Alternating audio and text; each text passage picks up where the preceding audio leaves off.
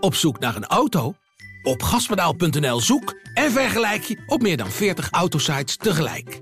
Je zoekt op de grote autoportalen en bij de autodealer om de hoek. Je hebt het grootste aanbod en maakt daarom de beste vergelijking. En zo mis je nooit meer een auto. Zoek en vergelijk op gaspedaal.nl. Dit is een podcast van De Ondernemer.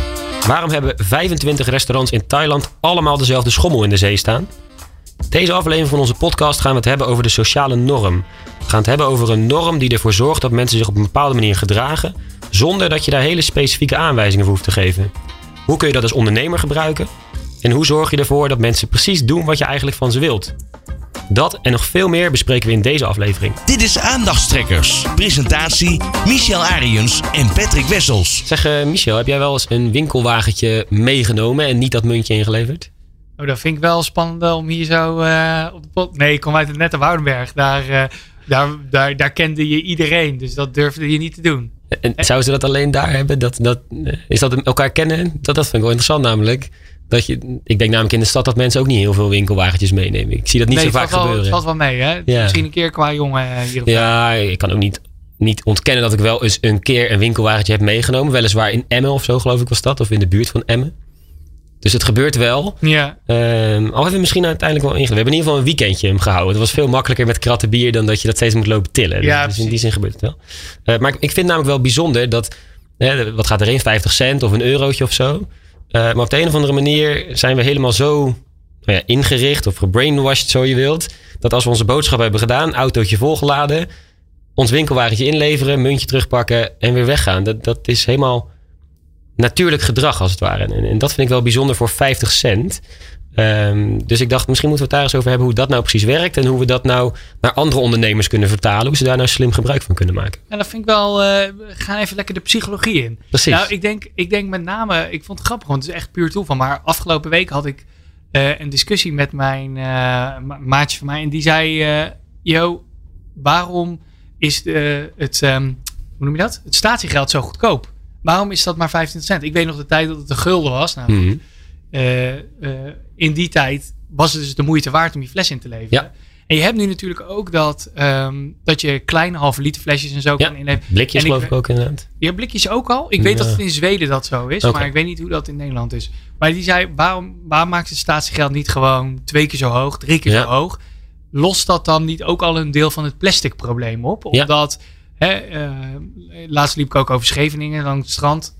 En daar lag heel veel plastic flesjes. Hmm. En ik denk, ja, als ieder plastic flesje 50 cent of een euro is, Ja.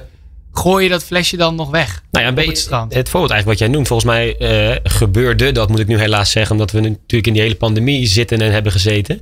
Eh, maar foodtruck festivals of andere festivals, daar kocht je een beker voor Mhm. 2, 2,5 euro. En dan op de grond kom je toch niet heel veel bekers tegen. Dus blijkbaar inderdaad, als het maar duur genoeg is, dan gaan mensen hun bekertje weer inleveren. En dan gaan ze daar nieuw drinken in bestellen. Ja, of in plaats van je dat je hem gewoon neergooit. Ja, of je hebt kinderen of zwervers die dan dat werk Ja, dat- overnemen. dat kan maar ook. Ja, maar ja. ik ben het met je eens. volgens mij maar- gebeurt dat inderdaad. Als het, als het bedrag hoger wordt, gaan we dat inleveren. Uh, maar tegelijkertijd lukt het dus supermarkt in ieder geval ook met die 50 cent.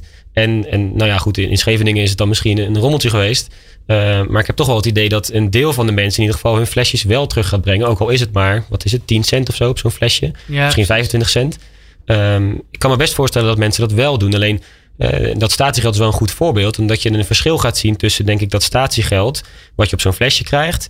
en het winkelwagentje terugbrengen. En, en jij zei in het begin al. ik kom uit het nette Woudenberg en daar kent iedereen elkaar. En dat betekent als jij je winkelwagentje. gewoon ergens op de parkeerplaats laat slingeren. en die 50 cent niet ophaalt. dat al die andere mensen uit Woudenberg hebben gezien. dat jij die ene bent die dat steeds niet doet. Ja, precies. Um, en, en dat is een belangrijk aspect binnen zo'n sociale norm. Wat er normaal is, in dit geval in Woudenberg en in de rest van Nederland, denk ik. Uh, dat je je winkelwagentje inlevert. En, en die sociale druk die je daardoor ervaart, die zorgt ervoor dat. Kijk, of het nou 50 cent is, een euro of misschien 10 cent of 2 euro was geweest, dat maakt dan waarschijnlijk niet zoveel uit. Het gaat er meer om dat het normaal is om dat dingetje even in te leveren.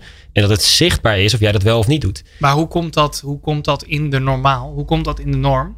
Nou ja, dat begint dus met een soort van eerste groep die dat doet. Hè. En op het moment dat je dus uh, dat, je, dat je die mensen die aan het winkelen zijn zover krijgt dat ze hun winkelwagentje inleveren. Die eerste twee, drie die dat doen, die zorgen ervoor dat nummer vier tot en met tien en de rest van die honderd die daar staan ook denken, weet je wat, laat ik dat ook maar doen. Want dat is blijkbaar hoe we dat hier met z'n allen hebben afgesproken. je gooit je winkelwagentje niet zomaar neer. En dan, dan is het bewijs eigenlijk dat die parkeerplaats leeg is. Want daar staan niet allerlei winkelwagentjes. En je ziet mensen daar naartoe lopen en hun geld er weer uithalen. Die twee dingen die zorgen er eigenlijk voor dat je ziet wat er normaal is. En daarom ga je dat gedrag ook vertonen. En dan wordt het interessant met, dat, met die frisdrankflesjes. Daar zie je niet per se. Tuurlijk, als je uit de automaat loopt, zie je mensen daar hun flesjes inleveren. Dat gebeurt. En het kan best zijn dat vrienden van jou tegen je zeggen: Nou, is ook grappig. Ik had een paar van die flesjes gekocht, ingeleverd. Blijkt statiegeld op te zitten. Dat heb ik mooi teruggekregen. Het zou allemaal kunnen. Maar over het algemeen zal je niet zo heel veel mensen dit zien doen, denk ik. In ieder geval minder dan hun winkelwagentje inleveren. En omdat je het niet ziet, is het dus denk ik minder krachtig. En moeten we nog zien of dit voldoende zal zijn om mensen hun plastic niet meer weg te laten gooien. Ja, precies. Maar ik ben wel benieuwd hoe, want uh, als we het dan recenter trekken. Ik, ik luisterde laatst een podcast van een Amerikaanse professor. Um, en die, die wilde even een discussie voeren over woke zijn. Hè? Um, nou wil ik uh, alle politieke gevoelige onderwerpen niet graag aanraken. Maar dat is precies wat hij eigenlijk zei. Is um, dat hij het lastig vindt om, um, om goed met elkaar in gesprek te kunnen gaan over. Nou, in Amerika speelt heel erg natuurlijk het, uh, het racisme uh, en ongelijkheid uh, een heel groot onder, sociaal debat. Mm -hmm. um, maar zijn punt was eigenlijk van ja, als er een bepaalde groep is die heel hard laat weten wat wel of niet racisme is, of dat nou klopt of niet, mm -hmm. dan is het heel moeilijk voor andere mensen om daar tegen op te staan. Omdat als je dus dat niet met z'n tienduizenden tegelijk doet, dat je dan dus een discussie hebt met elkaar. Uh, van, oh, jij bent daar ook zo een. Ja. Als je dus één voor één, als het ware, daar tegen op staat. En dan wil ik niet zeggen van dat je tegen wokeness moet zijn, maar je ziet dus dat we ook sociale normen aan het creëren zijn. Ja, terwijl het dus inderdaad een groep is die, die met z'n allen morgen naar Woudenberg gaat en daar met z'n vijftigste afspreekt we gaan die winkelwagentjes overal en nergens neerzetten. Mm -hmm. Dan zou het best wel eens kunnen dat die volgende 50 en 100 die daar komen winkelen ook denken.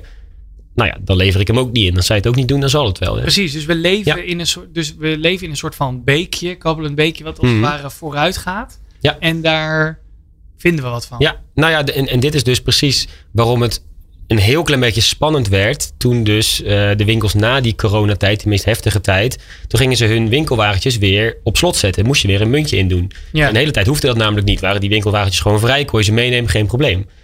En, en toen was dus een heel klein beetje de vraag. Gaan mensen nou dat winkelwagentje nu die weer op slot staat. Gaan ze hem dan alsnog overal neerzetten? Of gaan ze toch die muntjes weer netjes terugkrijgen? En dan merk je dat eigenlijk dat gewoontegedrag van voor die tijd blijkbaar zo sterk is. Dat mensen dat gewoon gewend zijn. Dat we dat dus gewoon doen. En dat de eerste paar die dat hebben gedaan er weer voor zorgen dat de rest het ook doet. En, en het risico zit hem dus inderdaad in het feit dat een paar mensen, eh, laten we zeggen een groepje mensen, afwijkend gedrag vertoont. En daar zo stellig in is. Uh, en daarmee als het ware een nieuw voorbeeld stelt. Dan heb je in ieder geval een soort van het ontkiemen van een nieuwe sociale norm. En dat is nog niet genoeg om die norm daadwerkelijk in te voeren natuurlijk. Daarvoor is meer nodig. Maar daar begint het wel bij. En als die, dat eerste of als het begin maar sterk genoeg is en als die mensen maar overtuigd genoeg zijn en zichtbaar zijn, dan heb je best kans dat een ander deel zich daarbij aansluit. En zo kun je proberen een norm te veranderen. Dat, dat, gebeurt natuurlijk wel. Als het gaat om, om, duurzamer eten, als het gaat om elektrisch rijden, als nou, allerlei voorbeelden. Um, zo wordt wel geprobeerd om die normen te veranderen natuurlijk, dat klopt. Ja, precies. En, en hoe gaat dat dan in zijn werk? Hoe... Uh... Ja. Nou ja, kijk, je, je, moet dus beginnen met in die zin een aantal mensen die stoer genoeg zijn en voldoende zelfvertrouwen hebben om het anders te doen. Daar begint het mee. Uh, en op het moment dat je die mensen voor dat elkaar hebt. een beetje als de reclame van Apple. Uh, we hebben die, ja. de, de, paar uh, die. Precies, de misfits. En, de misfits juist, ja. ja. nee, maar die heb je in ieder geval nodig om iets te doen, om te beginnen. en vervolgens heb je een paar andere nodig die een soort van onzeker zijn over wat ze zouden moeten doen. En in die zin dus ook beïnvloedbaar zijn. Een beetje de zwevende kiezer uit de politiek, zou ik maar zeggen. Ja. Die kun je eventueel beïnvloeden om iets anders te gaan doen. Waardoor een groepje wat groter wordt. Uh, en dan vervolgens moet je ervoor zorgen dat dat alternatieve gedrag op de een of andere manier makkelijker, lucratiever, sneller. Uh, het moet op een of andere manier beter zijn dan wat we gewend waren. Het moet iets meer opleveren. Ja. En als je die verschillende ingrediënten bij elkaar brengt, dan heb je in ieder geval kans om iets te veranderen.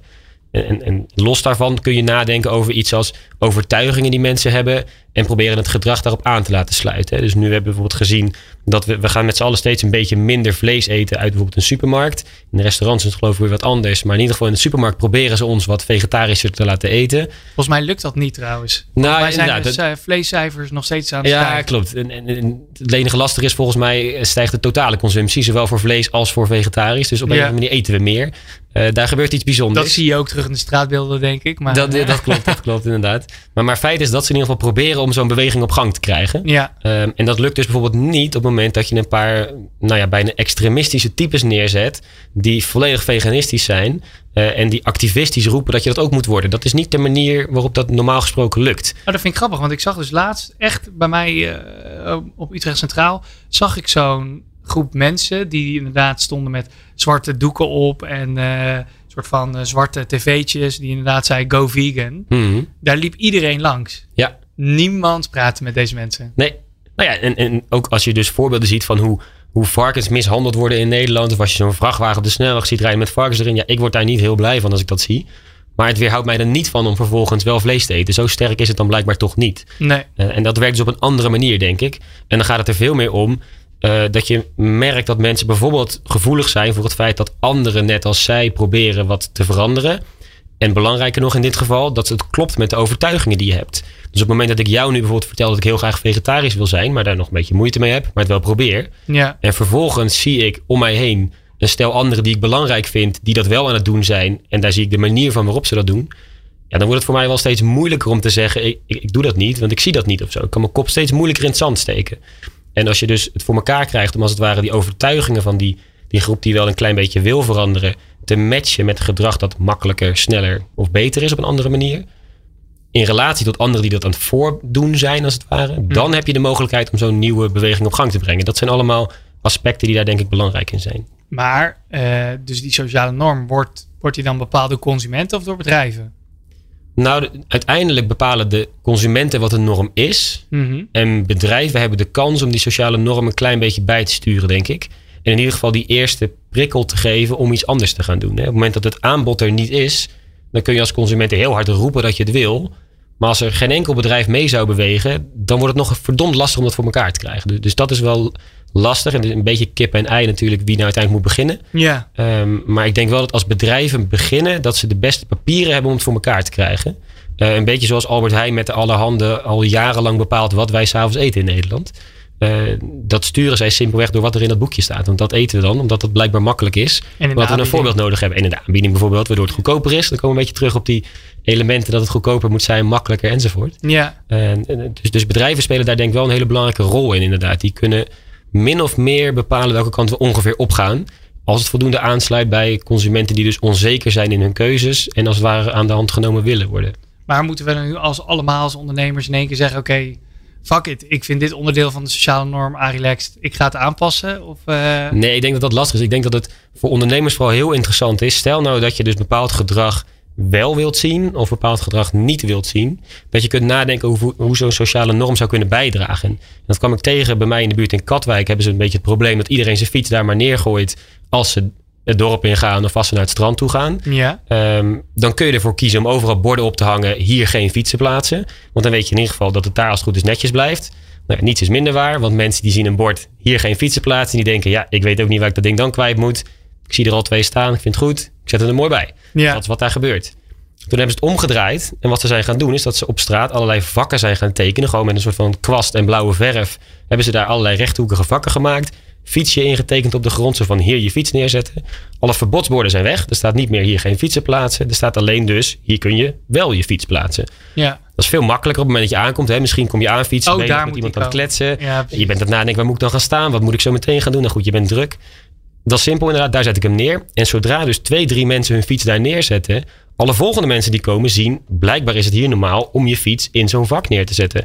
En wat je dus ziet is dat al die fietsen netjes in een vak staan. Nog geen wiel erbuiten, bang voor een boete... of, of gewoon heel erg de wens om aan de norm te voldoen of zo. Maar iedereen is met z'n allen die fietsen goed aan het neerzetten. En het is hartstikke netjes geworden... terwijl je al die verbodsborden weghaalt. Dus je bent heel positief bezig. Ja. Je hebt geen verboden meer nodig. En je creëert het gedrag wat je graag wilt. Dankzij zo'n zichtbare sociale norm. Ja, precies. Ja, ik vind het grappig, want in, ehm, je had het over vegetarisch zijn, maar hetzelfde vind ik eigenlijk bijvoorbeeld bij de de trend van, uh, van alcoholvrij bier. dus heel lange tijd was, was malt bier was, mm ja, niet, te, niet te drinken überhaupt. Maar en niet het meest mannelijke waar je voor kon kiezen? Nou, als er al iemand voor koos, weet je wel. terwijl nu ja. Nou, de avonden dat uh, vrienden van mij vragen, doe maar een alcoholvrij biertje, is meer dan dat mensen vragen, doe maar ja. een normaal biertje. Ik krijg zelfs verbaasde blikken als ik dan inderdaad mensen uitnodig en dan geen alcoholvrij bier heb staan. Dat ze zeggen, oh, heb je dat niet gehaald?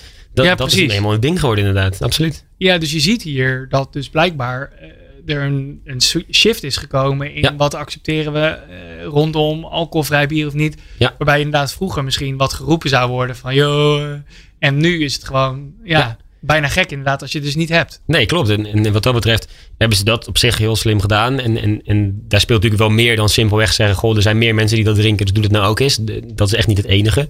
Uh, het gaat er dus ook veel meer om dat je bijvoorbeeld nadenkt... over de momenten waarop je dan alcoholvrij bier zou kunnen drinken. Um, de soort van remmingen die mensen hebben, namelijk...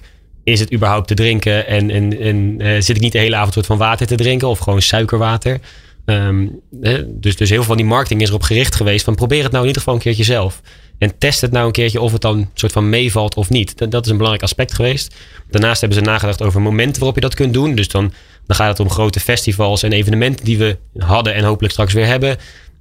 Dat is best een logisch moment. Als je in ieder geval één iemand hebt die met de auto is, kan die gelukkig wel gewoon meedoen, een biertje drinken. Dat is best een logische manier om zoiets een beetje normaler te maken. En die norm te veranderen. Dat, dat mensen niet meer elkaar zo raar aankijken. Zo van, ben jij nou aan het drinken? Ben jij nou aan het doen?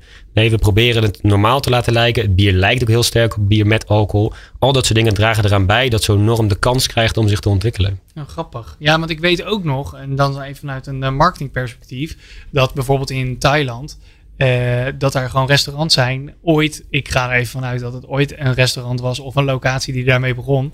Die hadden gewoon een, uh, ja, uh, hoe, hoe heet dat? Een schommel in de zee staan. En daar maakten mensen foto's van. Nou, dat ging op Instagram. En iedereen daarna dacht, oh ja, ik wil ook wel een foto op een schommel in de zee. Terwijl ik een soort van zen aan het nadenken ben over het leven. Wat eigenlijk gewoon betekent, je zit er één minuut op, je maakt de foto, je bent weer weg. Uh, en je hebt in de rij gestaan om die foto te maken als je pech hebt? Nou, waarschijnlijk bij de eerste wel. Maar dus, ik was er dus laatst, of laatst voor corona. Dus dat is inmiddels alweer twee jaar geleden. En, maar toen hadden ze dus overal, bijna ieder restaurant aan het strand, had zo'n schommel. Ja. Dus het was bijna de norm geworden. Van norm meets FOMO of zo. Dat zo'n ja, restaurant dus bang had, is om er niet bij te horen. Ja, dus je, hebt dus, de, dus je had eigenlijk twee normen. Namelijk de norm van het feit dat consumenten dus heel graag een fotootje maken van zichzelf mhm. aan het water. Maar dus ook het feit dat dus de bedrijven de behoefte voelden van nee, daar, daar, aan die norm moeten wij ook voldoen. Want anders ja. Uh, ja, doen wij ook niet meer mee als bedrijf. Ja, nee zeker. En, en, en dat is natuurlijk wel hè, als bedrijf zijn ook interessant om in de gaten te houden. In hoeverre ben je daar zelf mee bezig om inderdaad aan een norm te voldoen? En, en, ben je bezig om net als alle anderen dat aan te pakken omdat het nou eenmaal zo hoort? Dat is best interessant om daarmee te spelen. Wat dat betreft zouden we daar denk ik een keer een aflevering over moeten maken. Hoe je nou misschien een beetje meer opvalt ten opzichte van wat er allemaal al is. Want, want is het wel een goed idee om zomaar mee te doen met de rest? Of is het juist een goed idee om het nou een keertje helemaal anders te doen? Dat kan natuurlijk ook. Ik krijg best wel eens discussies hoor over uh, dat wij we hebben bijvoorbeeld een ander prijzingsmodel in sommige gevallen dat iemand tegen mij zegt, nou daar heb ik echt nog nooit van gehoord. En dan voel ik mij, dan ga ik mij inderdaad lopen verdedigen waarom ik dan vind dat dit een normale prijzingsformule is voor wat wij aanbieden. Ehm, maar ja, inderdaad, dan, dan kom ik dus in die verdedigende modus. Ja. Terwijl het is misschien een kwestie van tijd totdat iedereen mijn prijzingsmodel of een vergelijkbaar model gebruikt. Of niet, waardoor je lekker op blijft vallen. Kijk, uiteindelijk, de, de, motivatie is niet zo vreemd, omdat je allemaal gewoon normaal wilt zijn. Dat is het meest veilige wat we kunnen hebben. Ja. Uh, zet mij in mijn eentje ergens neer en ik voel me automatisch iets minder onveilig, wat meer onzeker. Zet mij in een groep gelijkgestemden neer en ik voel me een stuk zekerder, heb veel meer zelfvertrouwen, voel me prettig alles wordt in één keer een stukje makkelijker. Omdat ik gewoon het idee heb, je hebt goed gekozen. Je bent hier in een hele groep. Zij hebben hetzelfde gekozen. En we denken van elkaar dat we daar goed over hebben nagedacht.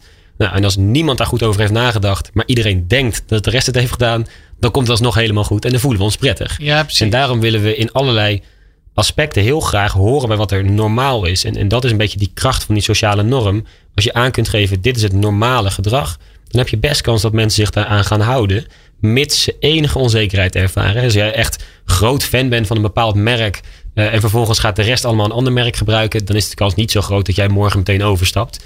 Uh, maar als je het idee hebt, nou ja, ik weet eigenlijk niet zo goed wat ik zou moeten kiezen, wat ik zou moeten doen, dan is de kans heel groot dat jij mee gaat doen met gewoon de groep.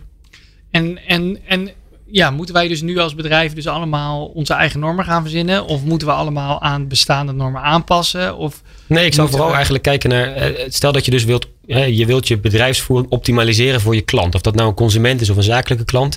Wat je dan kunt doen, is dat je goed kijkt naar welke soort van stimulans is er om iets te doen. Hè, waardoor, hè, welke behoeften leven er, waarom doen mensen iets. ja, En welke remmingen zijn er, waarom doen ze iets niet. En op het moment dat je dat in kaart brengt, dan kun je dus op een gegeven moment zien dat mensen iets niet doen omdat de rest het ook niet doet of zo. Dan kun je blijven stimuleren wat je wil. Maar als dus de rest het niet blijft doen en dat zichtbaar blijft, ga je dat niet zo makkelijk voor elkaar krijgen. Dus je kunt als het ware herkennen, denk ik, waar die norm een rol speelt. En proberen daarin mee te gaan in plaats van je er per se tegen af te zetten. Als je het voor jezelf makkelijker wilt maken. Als je wilt opvallen, dan moet je juist de andere kant op gaan. Maar dan maak je het in ieder geval voor jezelf moeilijker. Misschien Ja, meer kans op succes, maar ook meer risico. maar is dat dan bijvoorbeeld, eh, ja, ik blijf maar even ideeën eh, spuien. Hè? Ik ja, dit, gaat fantastisch. Is als je bijvoorbeeld eh, bugles, toch? Die chippies. Ja. Daar doen mensen roomkaas of weet ik veel. Iemand zei laatst tegen me, nee, dan moet je zo'n eh, tube chefskaas of Oh whatever ja, ja, heb ik ook wel eens gezien. Ja, dat. Ja. Nog nooit van gehoord, maar blijkbaar doen heel veel mensen dit. Ja. Dat ik echt verbaasd was van, hey, hoe zit dit nou, hoe is dit nou in de wereld gekomen? Is dat dan het chipsmerk die het bedacht heeft? Is dit Ja. de consumenten? eh, Ik hoop dat maar het ik merk zag het laatst een advertentie. Ik zag laatst een advertentie waarin ze dat deden. Ja. Dus zij adverteerden met dit moet je doen. Ja. Maar, Nee, zeker. Maar dat, dat is een goed voorbeeld inderdaad. Als je dus merkt dat, dat die chips blijkbaar minder goed verkoopt. Omdat er allerlei andere zakken gaan met dipsaus erbij of zo. Die veel harder gaan. Dan kan het best zijn dat mensen dus niet begrijpen hoe je dit zou moeten doen. Zich daardoor een klein beetje onzeker voelen. En dat betekent dat je echt niet mensen één voor één hoeft uit te leggen. Nou, je pakt een zak chips en je pakt die tube en je vult hem. Dat hoeft niet per se. Maar je kunt mensen wel laten zien hoe anderen dat doen. Ja, En als je maar voldoende laat zien hoe anderen dat doen, dan speel je dus in op die norm die er blijkbaar geldt, wat er normaal is. En als ik dan op zo'n avond niet zo goed weet wat ik moet doen, maar ik herinner me nog dat die andere mensen steeds inderdaad met die tube bezig zijn om die dingetjes te vullen, dan ga ik dat gedrag ook vertonen. Omdat ik dan weet dat ik in ieder geval daarbij kan horen. Ja, precies. Nou, wat ik dan wel heel grappig vind, is dan ook aan de andere kant, is dat Lees natuurlijk met die eh, strong chips is gekomen. Hè? Chips voor speciaal ontwikkeld voor met bier. Die spelen dan heel erg, denk ik, in op de norm. Namelijk, de norm is 90%, weet ik niet of dat de norm is, maar heel veel mensen eten chips bij bier. Ja, Ehm, en daarmee spelen ze dus eigenlijk in op een norm die al bestaat. Alleen dan zeggen ze nu hebben we een heel speciaal product, specifiek Ja. voor wat je toch al doet. ja precies. En, en, en inderdaad, en, en dat is dus makkelijk meewaaien met de wind die er al waait eigenlijk. Omdat je goed kijkt naar wat is dan een norm die er blijkbaar heerst. En hoe kunnen we daar nou ons product zo op aanpassen dat we daar makkelijker in mee kunnen. Dat zou kunnen. En dat is eigenlijk precies het tegenovergestelde wat bijvoorbeeld zo'n kuppensoep jaren of misschien inmiddels wel tientallen jaren geleden heeft gedaan. Dat ze dan bedachten, weet je wat, vier uur gaan we kuppensoep drinken. Dat was tot op dat moment helemaal geen ding om om vier uur per se die, die kuppensoep, laat staan soep überhaupt te drinken. En zij bedachten toen, dat gaan we om vier uur doen. En op die manier kan het een normaal ding worden. Ja. Los van dat daar natuurlijk meer dingen aan zitten, omdat je een bepaalde cue hebt. Als de klok vier uur slaat, denk je ineens aan kuppensoep. Dus er zitten meer dingen in. Maar een van de elementen die meespeelt is zo'n norm. Dat het normaal is om dat om vier uur te doen. En dat ze je toch een beetje raar aankijken als jij om half tien s'morgens die kuppensoep pakt. Dat ze denken van, nou, volgens mij snapt hij niet wat de bedoeling is. Dat hoort vanmiddag om vier uur pas. Ja, precies. Dus vanuit een marketingperspectief zit er een duidelijke reden aan om mee te gaan op die norm. Ja. Maar ik kan me dus ook voorstellen in het geval van bijvoorbeeld eh, winkelwagentjes of statiegeld zit er ook een, bijvoorbeeld een financieel voordeel of een maatschappelijk voordeel om een bepaalde norm te creëren. Ja, nee, zeker. En, en als we, eh, hè, dus door Bijvoorbeeld niet roken of Nee, eh, precies. alcoholvrij of... eh, Ja. Kijk, en met, met rook is dat al wel lastiger bijvoorbeeld. Het grote voordeel van die winkelwagentjes. Ze staan in de meeste gevallen ofwel buiten bij de ingang. Of net aan binnen, maar ook extreem goed zichtbaar. Dat, dat is waar die dingen staan, omdat je ze dan makkelijk kunt vinden. Maar het voordeel is ook dat je dus ziet dat anderen die dingen weer inleveren en hun muntje terugkrijgen. Ja. En met roken bijvoorbeeld, het is heel moeilijk om te laten zien dat mensen niet roken. Stel dat je dus binnen bent in een restaurant. Ja, natuurlijk zit jij niet te roken. Maar ik zie niet dat jij wel wil roken, maar het niet aan het doen bent. Nee. En, en dat maakt het heel erg moeilijk om daar dus zo'n sociale norm te gebruiken. Je zou eigenlijk overal bolletjes boven mensen hun hoofd willen. Ik wil eigenlijk roken, maar ik doe het even lekker niet, want ik ben lekker uit eten. Dan krijg je dat meer mensen denken, oh nou, dan doe ik het ook maar niet. Want het is blijkbaar een goed idee om het niet te doen. Nee, maar dat is dus eigenlijk de grap ehm, van influencer marketing. Is dus eigenlijk, het is dus de moeite waard. Het is eigenlijk de, de, de, de, de basis waarom influencer marketing werkt. Ja, is om te laten zien dat er een norm is. Ja. Of die influencers dat nou echt doen of niet. Jij hebt ze betaald Ja. o- zodat zij voor jou faken. Ja, zodat Dat- het normaal is wat zij doen blijkbaar. Exact. En dat stuk eh, zorgt er dus voor dat alle kijkers eh, al meteen denken: oh, die, deze heeft een miljoen volgers. Ja. Dus als zij het doet, dan zullen er meer van die miljoen dit waarschijnlijk ook doen. Ja. Dus dan is het veilig voor mij om ook te doen. Precies. En als ik dan niet zo goed weet wat ik zou moeten kopen of zou moeten doen, nou, dan neem ik in ieder geval wat ik gezien heb. Eh, want dat is blijkbaar normaal. En zo kun je inderdaad proberen zo'n norm te introduceren of eventueel te veranderen. Ja. maar dat is ook meteen weer, denk ik, een uit.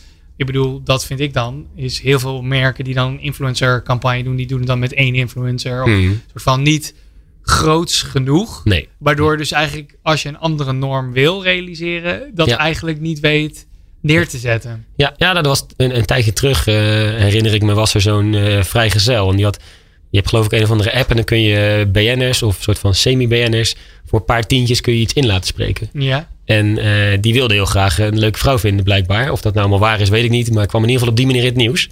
Ehm, en toen had hij dus inderdaad niet gewoon drie verschillende BN'ers gevraagd. Van nou, hier heb je allemaal vijf tientjes. En voor 150 euro ben ik klaar.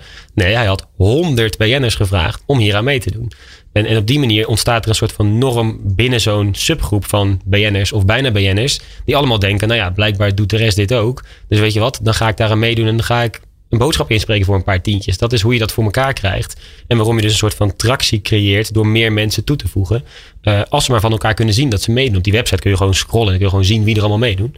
ja, dus de les is eigenlijk, als ik als ondernemer, bijvoorbeeld voor mijn klanten, of bijvoorbeeld voor mijn personeel, of bijvoorbeeld voor de maatschappij, een norm wil neerzetten, dan moet ik zorgen dat het zichtbaar is dat Ja. iemand een actie wel of niet onderneemt. Ja, die zichtbaarheid bij de sociale norm is heel belangrijk.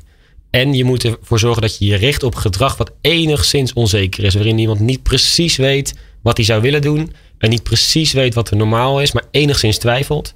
En als je dan zichtbaar kunt laten zien dat anderen het op een bepaalde manier doen. Dan is de kans heel groot dat diegene daaraan mee gaat doen. Ja, precies. Nou, is ook een waardevolle inzicht om eigenlijk te gebruiken, bijvoorbeeld met het adverteren. Ja. Is om dus na te denken, wat voor advertenties kan ik laten zien die eigenlijk dit gedrag, wat je nu, wat ik als ondernemer of als, eh, als, eh, ja, als merk graag zou willen zien, weer door te voeren. Ja. Nou, inter- interesting. Ja, grappig. Weet je wat ook de norm is? Nou, Abonneren op een leuke podcast. dat is zeker de norm. De, de meeste mensen die dit luisteren en die weten niet zo goed hoe ze daarmee om moeten gaan, die abonneren zich meteen nadat ze één aflevering hebben gehoord. Dat is Precies. volgens mij de norm inderdaad. Ja, daarom. Eh, alleen we kunnen niet echt laten zien dat mensen dat doen. Dus daar moeten we misschien ooit nog een oplossing voor Daar gaan we eens even goed over nadenken hoe we dat gaan realiseren. Ja, precies. Bedankt voor het luisteren. Tot zover Aandachtstrekkers, een podcastserie van De Ondernemer. Ga voor meer podcasts naar deondernemer.nl. Op zoek naar een auto? Op gaspedaal.nl zoek en vergelijk je op meer dan 40 autosites tegelijk. Je zoekt op de grote autoportalen en bij de autodealer om de hoek. Je hebt het grootste aanbod en maakt daarom de beste vergelijking. En zo mis je nooit meer een auto. Zoek en vergelijk op gaspedaal.nl.